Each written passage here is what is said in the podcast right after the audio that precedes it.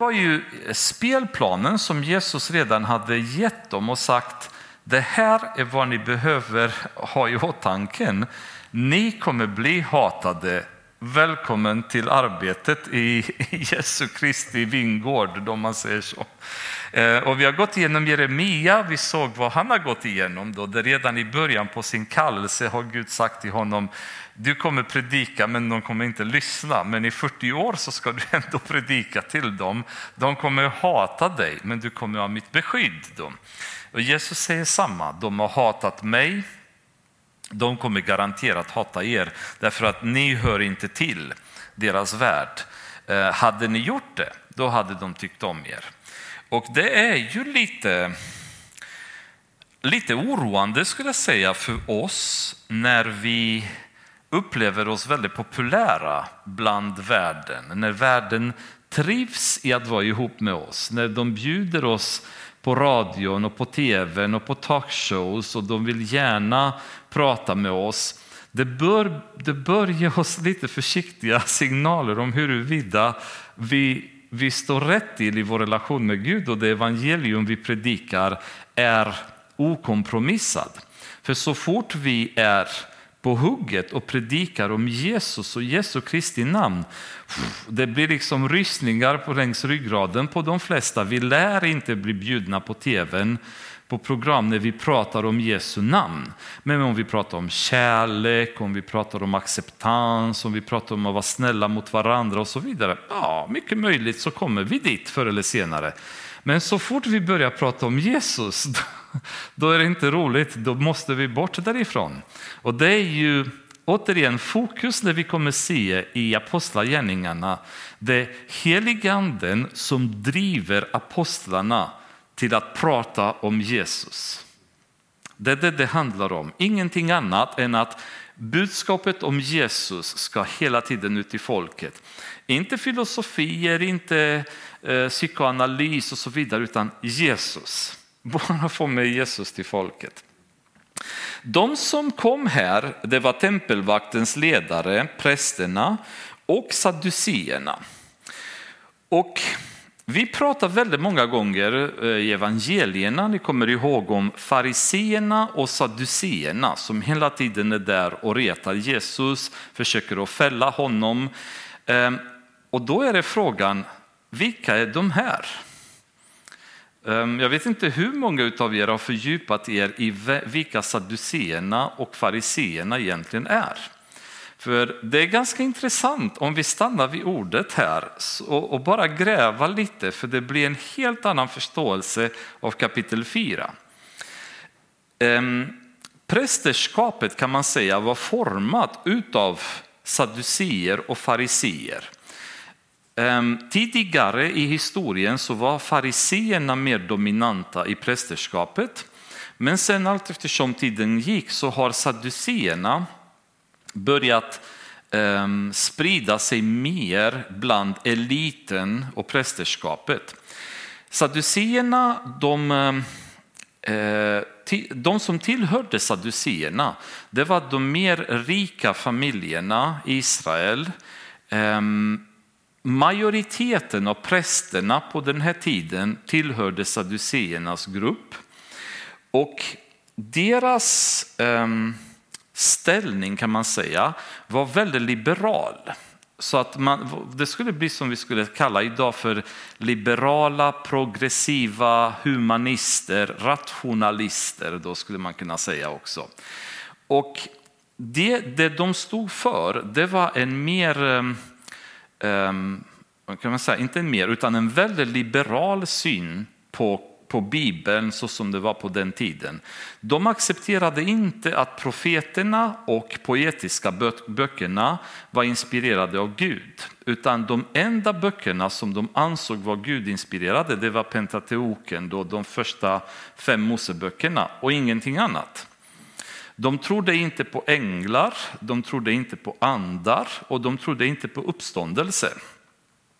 Så att deras inställning till Gud var väldigt rationalistisk. De accepterade inte mirakel som någonting som sker, utan det fanns en rationalistisk förklaring för det som skulle kunna uppfattas som ett mirakel då i deras värld. Och eh, man kan väl säga att det är väldigt lik det som liberalerna, eh, humanisterna, de progressiva idag är. De har ungefär samma inställning, bortsett från att de inte tror på de fem Moseböckerna heller. Men, men i övrigt så har de den här inställningen. Eh, det finns ingen liv efter död, det finns inga mirakel, det finns antingen en vetenskaplig förklaring för det som vi som kristna kan uppfatta som mirakel.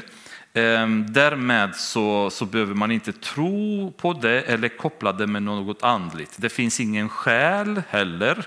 Den vetenskapliga världen i Sverige och i världen anser att människan inte har en själ, utan vi är ju bara kött och blod och vi har vårt sätt att rationalisera och det är ju en effekt av elektriska signaler som vår hjärna producerar då, men det finns ingen själ eller ande i oss då som människor, utan eh, det är bara en föreställning som är religiös och ingenting annat. Då. Så ganska så eh, hårda människor i sin så kallade vetenskapliga inställning var saduceerna. Om vi bara tar parallellt så var fariseerna det som vi skulle uppfatta som mer konservativa. Fariseerna de såg hela Bibeln som Guds ord, det vill säga både profetiska böckerna, poetiska böckerna och Mose lag. Men tillsammans med det här ordet som var gudagivet så hade de skapat en massa olika böcker med egna religiösa föreskrifter och ritualer som de hade höjt till samma nivå av vikt som själva gudandade bibeln. Och det är där konflikten med Jesus och fariseerna oftast handlade om. För han gick på deras traditioner och deras påhittade tolkningar av bibelordet och Jesus raserade det hela tiden och fick, fick så att säga, dem att förstå att det där, det där har inget värde, det där har ni hittat på på något sätt för att förhärliga ert beteende. De ansåg att man var tvungen att hålla cirka 600 olika lagar och bud för att genom att leva präktigt kunna förtjäna eh, sin evighet med Gud. De trodde i livet efter döden, de trodde i, eh, i att det fanns uppståndelse. Men deras tro var beblandat med eh, en stark, eh, ett starkt arv av egna traditioner och religiösa ritualer som hade blandat, blandat sig in i Bibeln så till slut visste man inte vad som var vad utan folk bara fick upprätthålla vissa lagar utan att de visste varför eller vad det ledde till. Så de här grupperingarna de var egentligen Ehm, ganska så eh, i, i, i luven på varandra. Sadduceerna hatade fariseerna och tvärtom. Men när de behövde att tillsammans ge sig på Jesus då kunde de komma enade i attacker mot Jesus. För många gånger så läser vi att fariseerna och sadduceerna kom till Jesus och försökte att lura honom eller försökte att fälla honom på något sätt.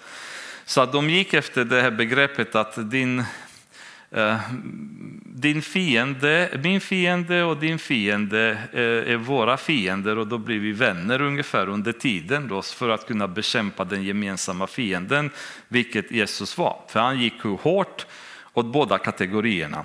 Men fariseerna, de tillhörde lite mer medelklassen. Så att eh, många av synagogaföreståndarna bland annat var fariseer och affärsmän kan man väl säga i medelklassens Israel. De var lite mer populära bland folket än saduséerna var. Saduséerna var ganska arroganta, ganska uppkäftiga och bråkiga i sitt sätt att bete sig. Och de var lite mer ogillade av folket, också på grund av att de innefattade mer eller mindre etablissemanget och var inte jätte kända, eller de hade inte medlemmar bland resten av folket medan fariseerna var lite mer populära.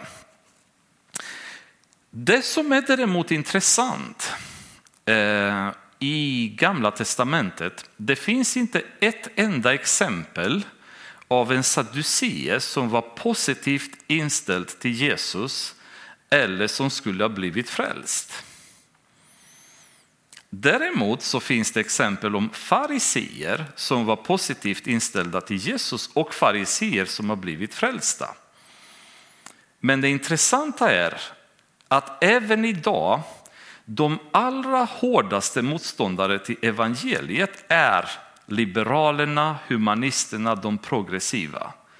De är väldigt aggressiva mot evangeliet. De mer konservativt ställda människorna i samhället är generellt lättare att nå med evangeliet. Det vi ser i världen just nu, det är en enorm eh, eh, trend åt progressivitet och liberalism, vilket resulterar i att länder efter länder efter länder som tidigare var starka religiösa fästen börjar kollapsa på grund av att liberalismen sprider sig så mycket och inom liberalism är ingenting rätt och fel. Alla får göra lite som de vill. Du har ingen rätt att döma någon annan. Du får ha åsikter men håll dem, håll dem för dig själv. Prata inte om dem med någon annan och så vidare. Det finns en präktighet i att vi behöver inte Gud och Gud inte finns och det finns inte liv efter död och det finns ingen början och slut utan vi bara finns ungefär. Medan de som är konservativt ställda, de har ändå en inre uppfattning och en tro om att det måste finnas någonting. Det finns en Gud, sen kanske har de fel uppfattning om vem Gud är eller hur de tolkar honom.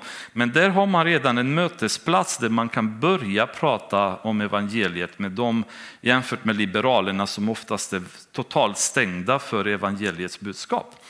Eh, ni kommer ihåg Nikodemus som kom till Jesus i Johannes kapitel 3. Han var en farisee och ärligt intresserad av vad det innebar att vara född på nytt. Då. Han ville veta det. Och eh, Sen visade det också att eh, i Johannes 7 så var Nikodemus den som hade försökt att försvara Jesus inför de andra då som ville anklaga honom och var sen den som hjälpte till med Jesu kropp när Jesus dog på korset. Då. Han var en farisee. Ehm, det som är intressant också i Apostlagärningarna kapitel 15, vers 5, så beskrivs där att ett antal fariseer hade kommit till tro. Eh, och Paulus själv, som kom också till tro på Damaskusvägen, var farisee. Så det finns ju alltså flera exempel om fariseer som hade varit positivt inställda till Jesus och fariseer som hade kommit till tro, men inte en enda saducé. I Nya testamentet nämns att han var positiv till Jesus eller kommit till tro. Och jag tycker det är en väldigt bra bild av dagens verklighet och realitet där liberaler, humanister, progressiva, rationalister, så kallade vetenskapsmän idag är otroligt svåra att få evangeliet till. Jämfört med de som är mer öppna för att det finns en Gud, det finns ett liv efter döden, det kanske finns någonting att i och med det så är de beredda att diskutera, höra vad vi har att säga och kanske tror eller inte tror i slutändan, men de har en mer öppen inställning. Ehm, och ehm, det är ju det här att Paulus, om vi tänker på Paulus själv, har ni tänkt på att han är den som i sina epistlar är väldigt bestämd i att bekämpa tanken på frälsning genom gärningar. Han går gång på gång just på det här temat i Romarbrevet väldigt mycket, i Galatierbrevet. Åtskilliga gånger han är um, väldigt på det faktum att frälsningen är genom tro på Jesus och inte genom gärningar. Efesierbrevet inte minst är han väldigt tydligt. Eh, och det är ju också visar för hans bakgrund som farisé eftersom fariseerna var de som trodde att om jag respekterar de här 600 lagarna, om jag är tillräckligt eh, präktig och helig, då kommer jag till himlen. Och så har Paulus levt. Alltså fariseerna när de tvättade sina händer, det var en hel ritual i sig. Därför att när man tvättade sina händer det kan ha varit så att vattnet råkar åka ner för handen och då blev man oren. Så man hade flera olika sätt att tvätta händerna så till slut så försäkrade man sig att allt vatten som rann från händerna rann bort ifrån ens kropp så det inte hamnade på något annat för då är jag oren. Um, om de gick på gatan och det kom en människa emot dem så drog de runt omkring sig sina kläder för att inte deras kläder ska röra någon annan och på så vis bli oren. För tänk om den människan som de går emot, en hedning eller rört en död människa eller ätit något som var orent, då blir de orena på grund av det. Och matregler hade de och alla möjliga. Om de gick på gatan och så fick de i sig en fluga när de andades så blev man oren. Så då fick de panik på grund av det. Och den andra som gick bredvid dem kunde då inte röra honom som har fått flugan i sig för då blir jag oren när, de, när jag har rört någon oren. Och det är det som Jesus hela tiden gick på dem och sa bara, vad håller ni på med? Ni, håller, ni håller på och gaggar bara för att ni får en fluga i halsen, men ni bryr er inte om allt annat som är så mycket viktigare. Men så levde de och Paulus blev därför från att ha levt den typen av liv och varit en slav under lagen så blir han befriad i Jesus och förstår bara att det är bara genom tron. Och han blir tokig när han skriver till Galatien och så vidare att när ska ni sluta med det tramset i princip säger han till Galatierna. Fattar inte ni vad tron handlar om? Så han är ju väldigt aggressiv mot de som propagerar frälsning genom gärningar, för han har levt igenom det där hela sitt liv och förstår att det inte leder någonstans. Så det är, kan man säga, det är det här gänget människor eh, som nu eh, försöker att ta tag i Petrus och Johannes. Och vi får även fram här att de var upprörda över att de undervisade folket och i Jesu predikade uppståndelsen från de döda. Så eftersom saduceerna var emot uppståndelsen från de döda, då fick de spelet när de hörde att Petrus och Johannes predikade uppståndelsen. Senare i Apostlagärningarna kommer vi att komma till ett ställe där Paulus själv dras inför både saduceerna och fariseerna för att förklara sig. Och Paulus är smart. Han har varit farisee, så när han ser att de här är ju aggressiva och försöker att och, och ge sig på honom. Då säger han bara, jag står framför er bara för att jag predikar uppståndelsen från de döda. Oh! Då hoppar fariséerna och säger, men det, vänta lite, det, det här är inga problem.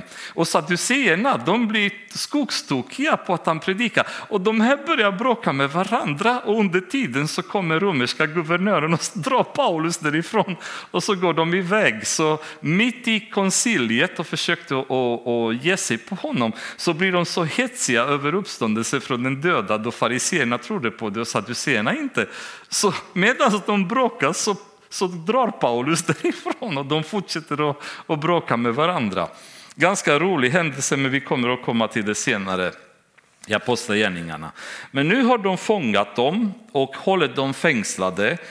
Men under tiden som människor som har varit vid templet och hört predikan, väldigt många kom till tro. Så medan tjafset pågår så, så hör vi att nu är det redan 5000 män som har kommit till tro. Efter pingstdagen så hade vi 3000, nu är vi på 5000 då. Nästa dag samlades Stora rådets medlemmar i Jerusalem och Stora rådet det var ju auktoriteten i Jerusalem. Det bestod av 70 människor som var sadduceer, fariseer och så vidare, ehm, präster. Och ehm, dessa hade kan man säga absolut makt att döma Israel. Dock så hade de inte makt att döma till döden. Det var bara romarna som hade den makten. Emellertid så hade de makt att döma till döden om brotten hade begåtts inom templets eh, kvarter kan man väl säga. Där hade de fortfarande rätt att döma någon till döden om de hade brutit på ett sätt som var emot lagen och krävde dödsstraff. Så de här snubbarna eh, samlas nu för att diskutera det hela. Och eh, det var både äldste och skriftlärda. Vidare översteprästen Hannas, liksom Kaifas. De är två, de känner vi igen sedan Jesu tid. Det var de som har varit inblandade i, i domen mot Jesus. Och sen Johannes och Alexander vet vi inte vilka de är, men förmodligen två andra proeminenta. Och alla som var, överste, som var av översteprästlig släkt, så det här var ju de tunga eh, männen då som samlas för att döma i detta. De förde fram apostlarna och började förhöra dem. Genom vilken kraft eller i vilken namn har ni gjort detta? Och det kan man säga att det kan vi tycka är en ganska enkel, en ganska enkel fråga att svara på. Men den här var en väldigt lurig ställd fråga. Därför att i femte Moseboken, 13 kapitel, där står det att om en man skulle ha någon dröm, visioner eller utföra mirakel på ett sätt som han sedan skulle förleda folk från Gud till, en, till falska gudar, då skulle den mannen straffas med döden. Så nu kommer de här till eh, Petrus och Johannes och säger, i vilket namn har ni gjort det som ni har gjort här? Och det här är en jättestor fälla. Därför att om de svarar att är det något annat namn än Jehovas namn, då kan de straffas med döden därför att det de har gjort var inom tempelets eh, så att säga, område och där hade de rätt att straffa dem med döden. Så den här lilla oskyldiga frågan är egentligen det som Petrus och Johannes vet mycket väl kan innebära dödsstraff för dem eh, beroende på vilket svar de kommer ge. Och det är en väldigt, väldigt pervers fråga som ställs för att kunna fälla dem och dra dem inför rätta. Då. Ehm, och då, då uppfylls Petrus av den heliga anden Och då säger han så här. Ni folkets rådsherrar och äldste. Eftersom vi idag förhörs med anledning av en välgärning mot en sjuk man och tillfrågas hur han har blivit botad så ska ni alla och hela Israels folk veta att den här mannen står frisk framför er i kraft av Jesu Kristi Nazariens namn.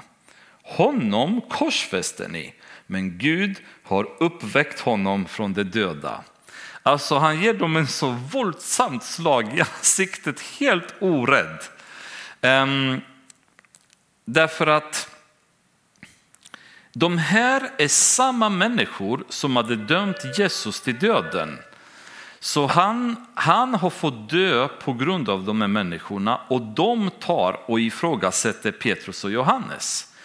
Så om det hade varit många av oss i det här läget så hade vi kanske känt att oh, vi kanske ska vara lite försiktiga vad vi säger. Vi kanske ska inte, vi kanske ska inte skapa onödiga problem, eller hur? Vi är oftast väldigt försiktiga i Sverige med vår relation till myndigheterna. Vi behöver tänka på att vi, det är bra om vi har en bra relation med myndigheterna. Vi får inte reta dem, säga saker som kan bli problematiska. Ehm, det är bara det att Petrus och Johannes, de blev fyllda av heliganden. Eller Petrus i alla fall vet vi att han har blivit fylld av heliganden. Och när han blev fylld av heliganden då blir det inte han som styr talet längre, utan nu är det heliganden som talar genom honom. Och han ger dem ett ordentligt svar. Han säger, vill ni veta vilket namn vi har gjort miraklet? Det är genom Jesu Kristus Nazarens namn. Och dessutom, det är genom honom som ni som sitter här har korsfäst, ni har dödat honom. Men han har uppstått och här har, har de saduceerna framför dem som inte tror på uppståndelse från den döda. Och Petrus bara kör spiken rakt in i bänken och säger och han har uppstått dessutom. I det namnet predikar vi evangeliet. Oj, oj, oj vad man skulle nog tycka att, eh, att det här är ju ett svar som jag önskar, eller en inställning som jag önskar att vi skulle ha som kristna mer ofta. Att vi skulle uppfyllas av den helige anden och vara inte rädda att ge den värld som vi lever i det svar som de behöver få. Så att synden omedelbart pekas ut så att man vet att det här är någonting som jag ska tala om för er och jag backar inte ifrån det. Men det är ganska häftigt att se liksom, vad det innebär att bli fylld av heligande. De hade fått heliganden vid pingstdagen. Men det här är ju en, ett, ett tydligt exempel på att helige anden är permanent aktivt att fylla oss när vi behöver en påfyllning. Det är kanske inte så att heliganden eh, varje dag gör samma mirakel genom oss. Vi har honom i oss, vi har hans sigill. Men det finns tillfälle när det krävs en extra dos av heliganden i oss och då kommer han och fyller oss med kraft, med vishet, med frimodighet då att möta motståndet när de kommer. Och Petrus, det, det, är så häftigt, han blir fylld av helig ande. Det finns inte en uns av rädsla eller att hans ben skakade om att jag kommer få problem. Tänk, de dödar mig som de har dödat Jesus. Samme Petrus som var livrädd tidigare när han var i, i eh, inne på tempelgården och han ansågs ha varit med Jesus och han förnekade Jesus och allting. Den tiden är borta. Nu har vi en Petrus som är bara fylld av helig ande och bara säger vill ni höra vilket namn? Då får ni höra. Det är Jesu Kristi namn vi har gjort det här. Men här kommer det häftiga dessutom. Då fortsätter han i vers 11 och säger Jesus är stenen som ni byggnadsarbetare kastade bort men som blev en hörnsten. Hos ingen annan finns frälsningen, inte heller finns det under himlen något annat namn som givits åt människor genom vilket vi ska bli frälsta. Vad han gör här det är att han pekar till psalm 118 som var en messianisk psalm där både sadduceerna, fariseerna, prästerna, alla andra visste mycket väl att, att psalm 118 handlar om Messias. Och han citerar psalm 118 där David kallar Jesus för sin herre. Och ni kommer ihåg att i predikan på pingstdagen så säger han till folket om, om inte Jesus är Messias, hur kommer det sig att David kallade honom som herre? För att i mosaiska kulturen då kunde inte en pappa kalla sin son eller sin arvinge för herre. Det var ju hädelse. De som var fädrar, de var herre i familjen tills de dog. Även om deras barn var 80 år så var fortfarande gubben som var 100 herre i familjen. Och Petrus säger, om det är så att det inte var Messias, hur pratade David att han kallade honom för herre? Och nu citerar han dessutom en messianisk psalm. Med andra ord, även om lagen i, i femte Moseboken 13 kapitlet skulle appliceras, då skulle han inte kunna dömas till döden för att ha botat en man i någon annans namn än Guds namn, därför att Jesus är Gud, säger han. Jesus är den hörstenen som ni har kastat bort. Så även lagmässigt, det vi har gjort är helt lagligt. Jesu Kristi namn, det finns inget annat namn, säger Petrus nu, där det finns frälsning hos än Jesu Kristi namn. Så han, han går väldigt frimodigt fram och förklarar för dem med bibliska verser att det vi har gjort är helt rätt. Det är i Jesu namn vi har rätt att bota. Han är Gud och bara genom honom förresten finns det frälsning. Inte genom någon annan, något annat namn. Så det är ju, ehm, från och med nu kan man säga blir det väldigt tydligt eh, från Petrus sida att det är bara namnet Jesus som gäller. Det är där det finns frälsning, det är där det finns räddning i. När de såg hur frimodiga Petrus och Johannes var och märkte att de var olärda män ur folket blev de förvånade. Men så kände de igen dem och kom ihåg att de hade varit tillsammans med Jesus. Den här versen skulle vi egentligen kunna prata bara, bara ett bibelstudium ur det här. Um, det är en jättehäftig vers. För att de ser själva att ett mirakel har inträffat.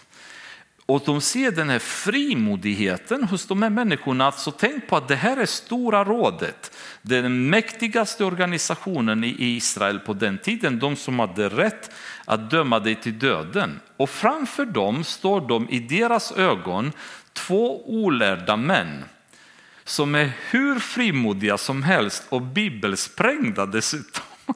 Och så står de bara och de blir förundrade över det, för att citera Ellen i morse. Förundrade över det. Men det häftiga är att de hade fel. De här människorna, de var inte olärda längre.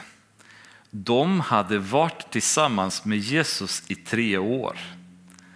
Alltså förstå vad det innebar för apostlarna att vara med universums skapare och umgås med honom tät i tre år. Vilka lärdomar, vilka saker de har lärt sig från Jesus bara genom att se på hans liv och hans berättelser och förklaringar om Guds ord.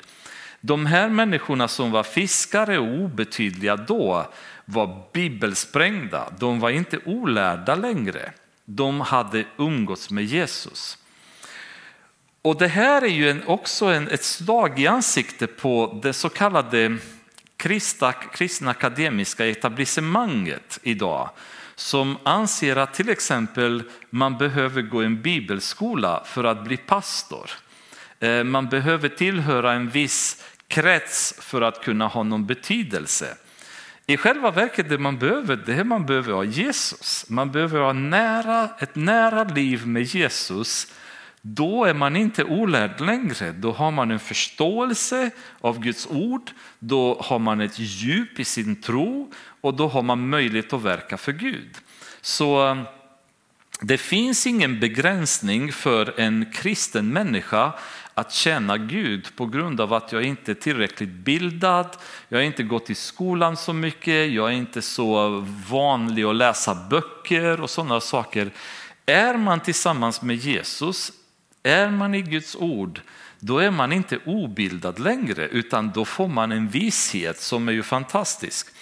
Och eh, jag tror eh, Daniel nämnde det idag också. Eh, jag tror det var Johannes 15. Det är där han säger Jesus i vers 15. Jag kallar er inte längre tjänare eftersom tjänaren inte vet vad hans herre gör. Vänner kallar jag er, till allt, det här är Jesus som säger det, Till allt vad jag har hört av min fader har jag låtit er veta. De här var inte obildade längre, de hade fått reda på, från Jesus på allt som Jesus hade hört från Fadern, hade han överfört till dem. Och då satt de nu framför det stora rådet och ni vet vad det står, att denna världs vishet är dårskap i Guds ögon. Det måste ha känts så för Petrus och Johannes att titta på de här 70 snubbarna i Stora rådet som kände sig väldigt viktiga där och bara kände, ni fattar ju ingenting. Liksom. Och de här är helt förundrade över den frimod, frimodighet som de såg hos dem. Ehm, de blev alltså väldigt förvånade över det. I Matteus eh, kapitel 11, vers 25 säger Jesus, jag prisar dig Fader, du himlens och jordens Herre för att du har dolt detta från de visa och kloka och uppenbarat det för de små. Så Jesus finner inte något behov av att arbeta genom kloka och visa människor som anser sig själva vara kloka och visa, utan genom människor som är beroende av att få hans kunskap, hans undervisning. Och då kan man vara eh, akademiker om man vill, man kan vara man av, av folket så länge man har den inställningen i sitt liv att jag behöver Jesus.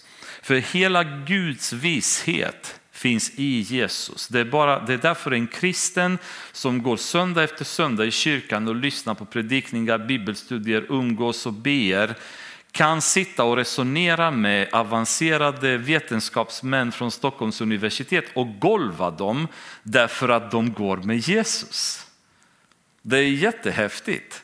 Ehm, jag kommer ihåg tider i skolan när man pratade med lärarna och Ehm, kunde hela tiden stänga munnen på lärarna genom Bibeln. Man bara argumenterade utifrån Bibeln och så fick man dem att, tystna på lektioner om evolution och så vidare.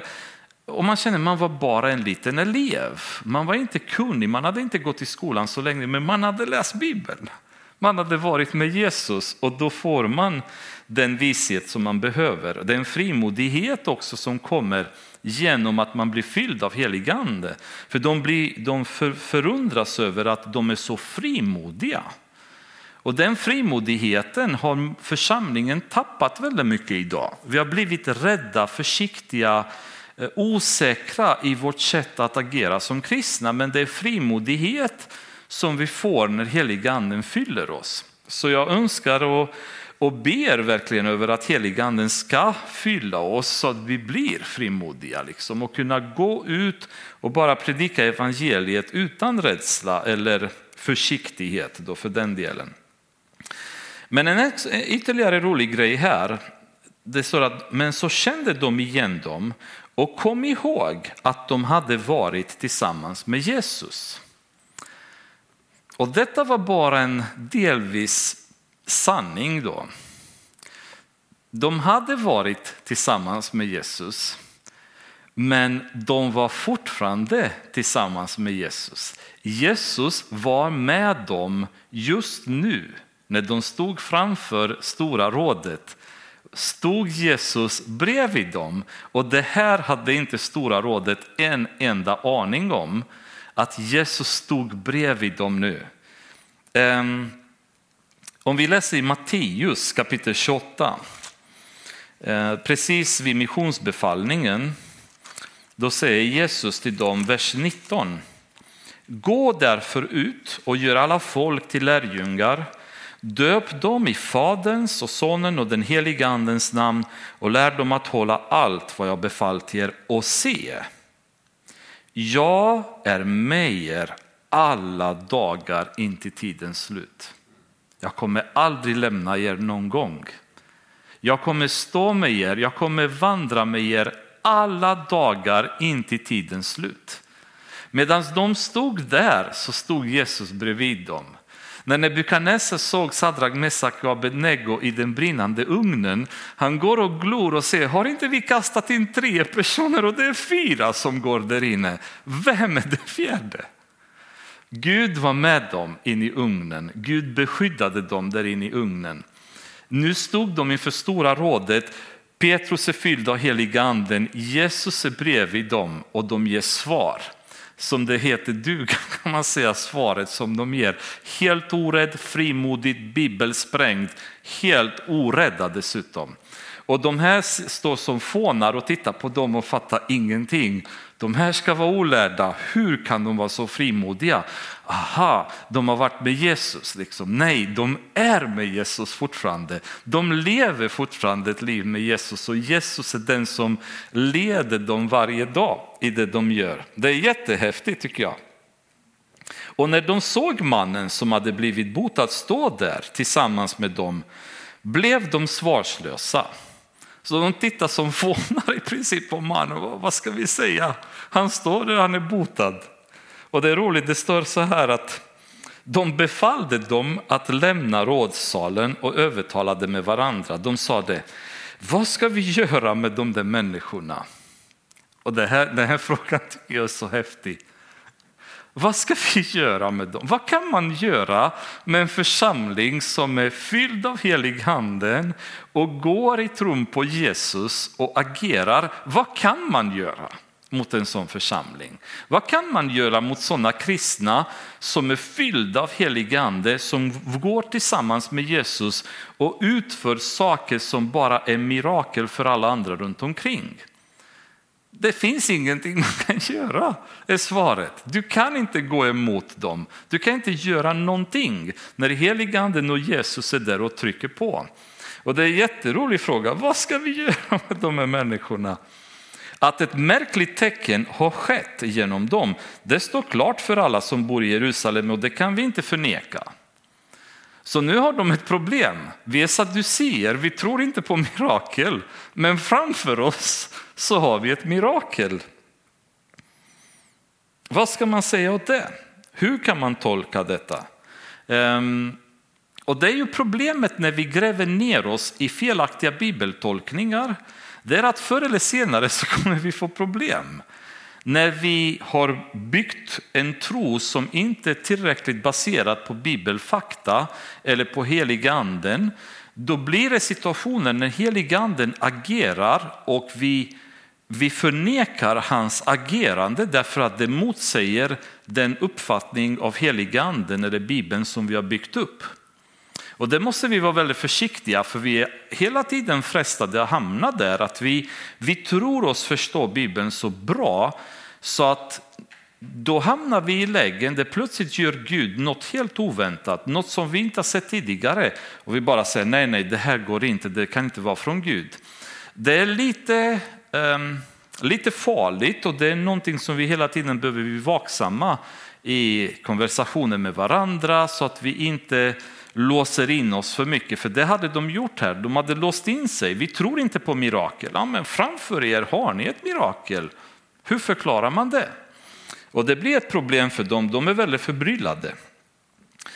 Men för att detta ska, inte ska spridas vidare bland folket så låt oss varna dem för att i fortsättningen tala till någon människa i det namnet.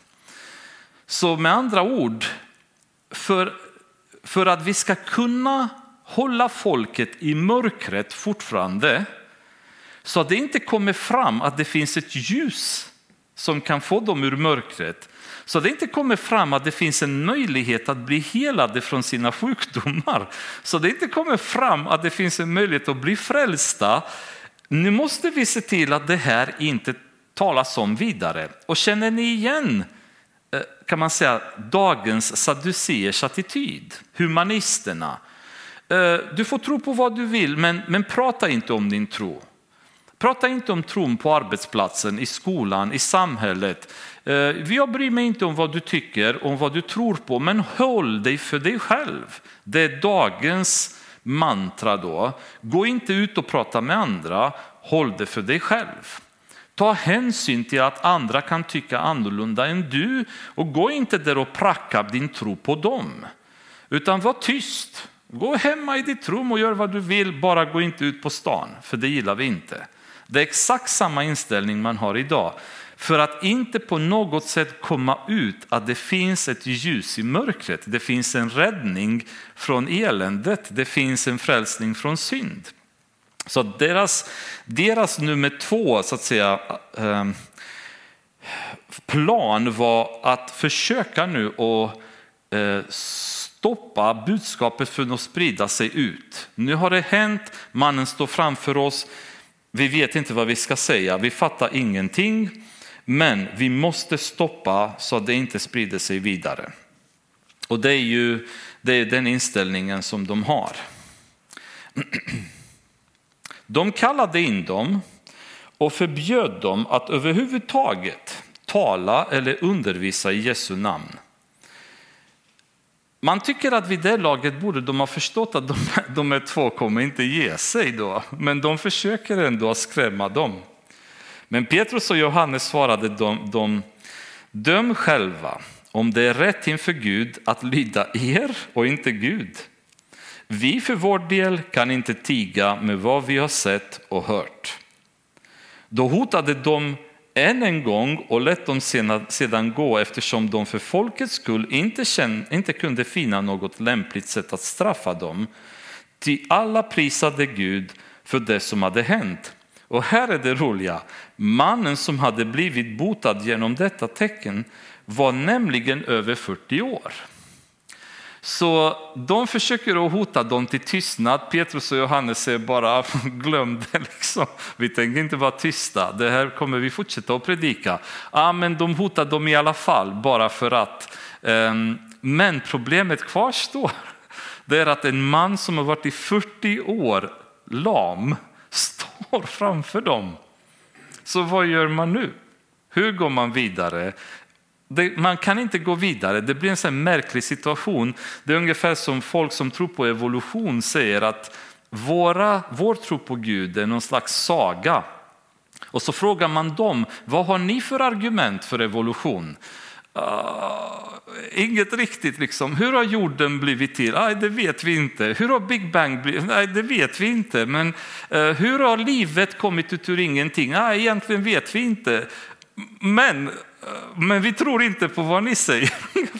Det är samma sak här. Framför er står en man, han, är, han har varit lam i 40 år, han är botad. Hur skedde det om det inte så att det var genom Jesu Kristi namn?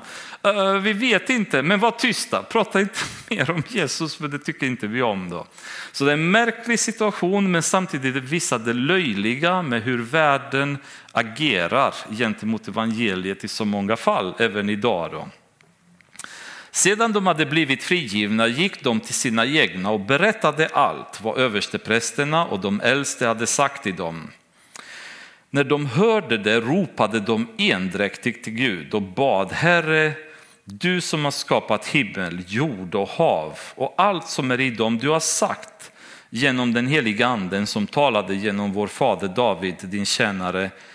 Varför upprörs hedningarna och tänker folken ut meningslösa planer. Jordens kungar träder upp och förstarna gaddar sig samman mot Herren och hans mode. Ja, de gaddade sig verkligen samman i denna stad mot din helige tjänare Jesus som du har smort. Herodes och Pontius Pilatus tillsammans med hedningarna och Israels stammar för att utföra vad du i din makt och genom ditt beslut hade förutbestämt. Så här säger de att Gud hade förutbestämt Jesu död. Man visste att det skulle hända, men de som har bidragit, bidragit till det är inte skuldfria.